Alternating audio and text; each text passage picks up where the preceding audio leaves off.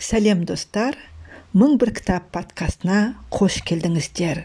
Подкастты жүргізуші бақытгүл салыхова біраз үзілістен кейін подкастымызды жалғастырып жатырмыз. Бұл подкаст менің өмірімде пайда болып жатқан кітаптарға арналады. Маған әсер еткен кітаптар сіздерге де ұнайды деп үміттенемін. Сіздерге де ой салып қызығушылықтарыңызды тудырып кітапты іздеп оқуға итермелеп жатса тек қана қуанамын. Сондықтан сіздерді кітап оқуға шақырамын. Оған қоса мың бір кітап подкастын тыңдап өз ойларыңызды айтып пікір білдіріңіздер бүгін сіздерге көркем әдебиет не балалар әдебиетін айтпаймын. Бүгін іскерлік әдебиетке бет бұрайық. Бизнес әлемінің маманы ұсынған ең мықтылар ағылшын тілінде powerful деп аталатын патти маккорд жазған кітапты ұсынамын. Патти маккорд netflix компаниясының HR бойынша бұрынғы вице президенті сонымен ең мықтылар netflix ережесіне сәйкес бизнес жүргізу кітабы. Қазір нетфликсті білмейтін адам жоқ болар. Сондықтан бұл компанияның жұмыс стилі басқару мамандармен қарым қатынасы сіздерге де қызық болар. Бірден айтайын 185 бет 8 тараудан тұратын кітап тез оқылды. Оған қоса күнде кем дегенде ең азы 30 ең көбі елу бет оқуды жоспарлаған адам үшін жылдам оқылды. Бірден айтайын ұнады қатты әсер етті және тамсандырды деуге болады. Егер әлемнің бір жерінде компания құрып осындай нәтижелерге жетіп жатса оны біздің елімізде де жасай ала ма екен? Осылай жұмысты ұйымдастыру адамдармен қарым қатынас жасау компанияны да маманды да жетілдіре отырып биіктерге көтерілу мүмкін бе деген ойлар мені де мазалады. Мен осындай компанияда жұмыс істегім келер еді. Әлде мен осындай компанияда жұмыс істей алармын ба? Деген сұрақтар да қойып көрдім. Әрине мен осындай компанияда жұмыс істегім келер еді. Мазмұнына қарасаңыз әр тарауда оның тақырыбымен бірге ол жерде талқыланған негізгі ойды бір сөйлеммен беріп оған қоса ойлануға тұратын сұрақтарды да қосқан. Сондықтан мазмұнын да мен өзіме көп мағлұмат ала алдым. Бұрыннан ә, жұмыста еркіндік пен жауапкершілік деген мәселе қызықтыратын. Және жұмыста еркіндік пен жауапкершілік артқанда жұмыстың нәтижесі қалай болатыны туралы да көп ойланып жүретінмін. Мазмұнында ә, кіріспеде еркіндік пен жауапкершілікті қолдаңыз деген сөйлем тұр екен. Бұл нені білдіреді деп ойладым. Жиырмасыншы ғасырда қалыптасып өте жақсы ойластырылған адамдарды басқару жүйесі жиырма бірінші ғасыр компанияларының алдында тұрған міндеттерді орындауға қауқары жоқ. Оны өмір де түрлі тәжірибелер де дәлелдеп келеді. Бірақ көбінесе адамдар жұмыс берушілер компаниялар бұрынғы жұмыс істеу стилінен бас тарта алмай жатады. Сондықтан netflix басшылығы адамдарды басқарудың басқарудың түбегейлі өзгеше тәсілін ойлау керек дейді. Жұмыс істейтін адамдар өз күштерін барынша қолдана алатындай болу керек. Олар идеялары мен проблемалары туралы айтып жұмыс берушімен келіспейтінін ашық білдірсе соны нетфликстің басшылары қалаған екен. Қызметкерлердің өз ішінде ойлары мен күмәндарын жасырып жүргенін қаламадық дейді олар. Басқа типтегі компания құру үшін командалық жұмыстың керемет мәдениетін және мәселелерді шешудің инновациялық жолын қалыптастыру керек еді. Әрине басшылар қателік те жіберген. Оларда қорқыныш та болған. Бірақ кейбір сәттерде нақты шешім қабылдап батыл болу өз жемісін бергені сөзсіз Netflix, компаниясының мәдениеті мен философиясын түсіндіретін құжат дайындалады және ол барлық қызметкерлерге ұсынылады кейін Netflixтің үлгісін қайталағысы келгендер немесе Netflix туралы семинар тренингке қатысқандарға осы құжатты да ұсынып көрсетіп отырған бірақ бір компанияда жүзеге асқан нәрсенің барлығы басқа жерде дәл сондай нәтиже бермеуі мүмкін. Немесе тіпті олай қолданудың да қажеті жоқ екенін атап өтеді кітапта. Сондықтан бәрін ой елегінен өткізіп барып қолдануға болады. Кітапта ұсынған кейбір ойларға тоқталайын. Мысалы маған адамдарға ересек адам сияқты қараңыз деген ой ұнады бұл нені білдіреді? Көбінесе өмірден көріп жүрген тәжірибемде жұмыста қызметкерге тапсырма беріп оның орындалған орындалмағанын тексеріп қадағалап жүретін адамдар болады. Яғни сенім жоқтың асы деуге болады. Тіпті жұмысқа келген уақытын кешіккен уақытын қадағалап тексеріп отыратын мамандар бар. Мен үшін бұл сенімсіздіктің ең жоғарғы нүктесі. Мені осылай тексеріп отыратын жерде жұмыс істегім келмейді. Әрине жұмысы тәртіпке бағыну керек жерлер бар. Мысалы мұғалім сабағына кешігіп келе алмайды. Дәрігер операция жасайтын уақытын ысырып қоя алмайды. Дегенмен сенім жоғары болса қызметкер өзіне жауапкершілік алып онсыз да кешікпей келіп жұмысын сапалы орындай алады деп сенемін. Маған тағы да ұнаған бір нәрсе ол түбегейлі яғни радикалды адалдық деген қағида. Адамдарға сыпайы ашық түрде шындықты айту керек. Шындықты айту көбінесе қатыгездік сияқты көрінуі мүмкін. Көп адам жұмыста шындықты айтуға қысылады. Оның себебі өте көп. Олар оны білмеуі түсінбеуі мүмкін айта алмауы мүмкін. Немесе сыпайы болғысы келіп шындықты айтпауы мүмкін. Мысалы сізге екінші қызметкердің жұмысы ұнамады делік. Сіз оған барып ашық сенің жұмысың маған ұнамады деп айта аласыз ба? Немесе ол қате жіберді.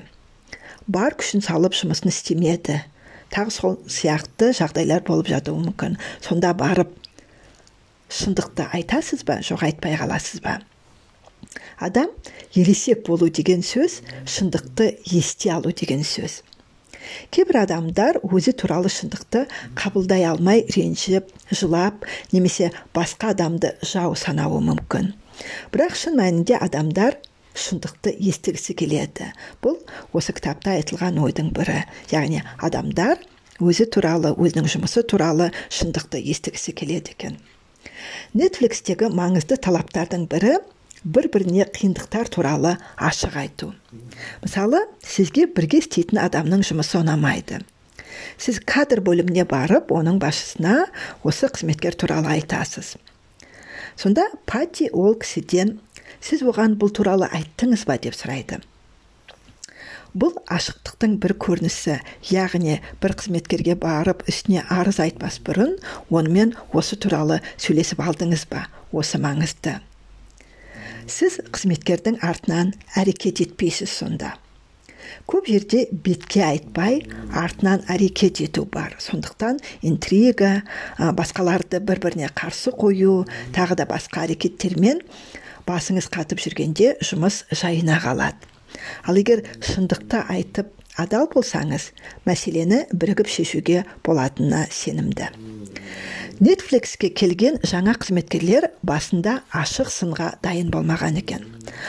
Олаған оларға біраз уақыт керек болып оған үйренісе алмай жүрген.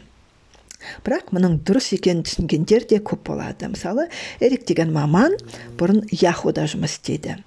Ол жерде команда мүшелерін барынша қолдап сынамау керек деген мәдениет қалыптасқан екен. Сондықтан нетфликске келгенде ол әріптестерінен сыни көзқарастар ести бастағанда мен сендер туралы да осылай айта аламын деген сияқты реакциясы болады яғни ренжіп қалады. Бірақ ол айтылған сын туралы ойланып жұмысты жақсартуға көмегі тиіп жатқанын тез түсінеді. Сынды бағалай бастайды. Оған қоса басқаларды ақылға салып ойланып сынай бастайды. Яғни сен мені сынадың мен де сынаймын мен де сені сынаймын деген әдет болмайды ода эрик яхудағы оқиғасы туралы былай дейді. Мен ә, бірге жұмыс істейтін маманды сынай алмағандықтан оның бастығы болсам да жұмысты жақсы жасамаған маманның қателерін өзім жөндеп оның жұмысын артынан атқаруға тиіс болдым. Ол жерде мен тым жұмсақ едім. Ал бұл дегенің жаман менеджер екенімді көрсетеді. Яғни мен шынайы жағдайды тым әсірелеп әдемі көрсетуге тырысқандықтан әріптестеріме қиянат жасайтынмын деп еске алады. Жұмысты адал болып шындықты айтсаң басқалар да сенен үлгі ала бастайды. Ол үшін компанияда бір стандарт қабылдануы керек дейді осы кітапты жазып отырған маман. Оны бәрі басшыдан бастап жай қызметкерге дейін ұстануы керек. Нетфликсте радикалды шындықты жүзеге асыру үшін тренинг, тренингтер өткізіп командалық кештер кездесулер жасайтын. Оларда баста тоқта жалғастыр деген жаттығу болатын. Жаттығу кезінде біреуі екіншісіне үш түрлі нәрсе туралы айтады. Мысалы сен мына нәрсені жасай бастауың керек. Сен мына нәрсені жасауды тоқтатуың керек. Немесе сен мына нәрсені өте жақсы жасайсың сондықтан оны жасауды жалғастыру керек. Бұл барлығына міндетті ойын болмайтын бірақ оны жасағандар өте жақсы нәтиже алғандарын айтатын. Яғни сіз өзіңізге бір жұпты таңдайсыз да оған айтасыз сіз мына нәрсені жақсы жасайсыз мына нәрсені онша жасалмайды немесе іс әрекетіндегі мына нәрсені мен қолдамаймын сондықтан оны жалғастырмасаң болады. Ал мына әдетің немесе мына ісің өте әдемі оны ары қарай жалғастырып дамыта бер деген өте жақсы ойынның бір түрі екен тапсырманың бір түрі. Яғни мынаны есте сақтаңыз. Адамдар біреудің өздерін алдағанын және манипуляция жасағанын жақсы көрмейді. Сондықтан шынайы болу барлық қарым қатынасты өзгертеді. Тағы бір ұнаған ой компанияны қазір болашақта қандай болғанын қалайтын түрде жасау керек. Яғни қазіргі күнделікті мәселелерді ғана шешіп қоймай одан да 5 жылдан кейін 10 жылдан кейін қандай боламыз деген нәрсені көзге елестете отырып сол сияқты әсер ет, жұмыс істеген пайдалырақ болады. Netflix өзіне ең мықты мамандарды жұмысқа алатын. Мықтылардың мықтысы істейтін. Сондықтан олардың жалақысы да соған сәйкес болатын. Өйткені ақшаны үнемдеймін деп жақсы маманнан айырылу ақмақтық деп айтар едім дейді автор. Бұл маман ә, сізге кейін де өз сіз жұмсаған ақшадан да көп пайда әкелмейтініне кім кепілдік береді? Мен де жақсы маманнан айырылып қалу ақмақтық деп есептеймін. Ә, бірақ әрине адамның сұраған жалақысы немесе оған лайық деген жалақысы ақылға қонымды болғаны ә, барлық тарапқа да жақсы. Бізде керісінше мүмкіндігінше аз төлеп көп жұмыс істетіп алғысы келетін компанияларда жұмыс орындарда бар екенін көріп жүрміз. Бірақ бұл да өзгеретін жағдай деп сенемін. Адамдар жақсы компанияда жақсы жалақы алып жұмыс істесе де бір күні жұмыстан кеткісі келуі мүмкін. Немесе компанияның өзі ол адамды ары қарай ұстаудың қажеті жоқ деп санауы мүмкін. Кітапта осы да өте жақсы талқыланып көрсетілген. Сонда қызметкермен қоштаса алу өнерін де меңгерген жөн. Барынша адаммен жақсы қоштасқан дұрыс. Кейін көрген кезде ол кісіні қуана қарсы алып дос ретінде қабылдай алғаныңыз өте керемет емес пе? Кітапта қойылған мына сұрақ маған қатты ұнады. Сенің компанияңнан кетіп бара жатқан маманды басқа компанияға ұсыну үшін олардың тізімін жасап қоясыз ба? Бұл өте керемет қой. Бірге жұмыс істеген компанияның өркендеуіне табыс табуына көмектескен маманға жұмыстан кетер кезде қолдап басқа жұмыс табуына көмектесіп жіберу. Бұл басқа мәдениет басқа қарым қатынас адамға. Мен үшін жұмысты ұйымдастыру мәдениетінің дамуының ең жоғарғы нүктесі болып көрінді осы әрекет. Бұл кітап туралы көп нәрсе айтуға болады. Бірақ дұрысы өз қолдарыңызға алып оқып көріңіздер. Бұл қиял емес. Шынымен жетістікке жетіп танымал болып отырған қазір де компаниясының жұмысын жалғастырып отырған үлкен компанияның жүріп өткен жолының сипаттамасы. Әрине олар әлі дамып өсіп өзгеріп алға жылжып барады. Мен netflix компаниясының ары, ары қарай да осындай қарқынмен дами беруіне тілектеспін. Бұдан да жақсы кітаптар жазылып көрерменге оқырманға тыңдарманға ұсынылады деп сенемін. Бүгін сіздермен ең мықтылар ағылшын тілінде powerful деп аталатын патти маккорд жазған кітапты сөз еттік. Әрине барлық жағынан оны түбегейлі қарап шықпадық дегенмен осының өзі де сіздерді оқуға деген құштарлықтарыңызды оятады деп сенемін. Осымен мың бір кітап подкастының тағы бір шығарылымы аяқталды. Сіздермен бірге болған бақытгүл салыхова құрметті тыңдарман кітап оқыңыздар ойларыңызды кеңейтіп өздеріңізді дамыта түсіңіздер. Сіз өзгерсеңіз әлем де өзгереді. Өмірге риза болыңыздар. Келесі кездескенше сау болыңыздар.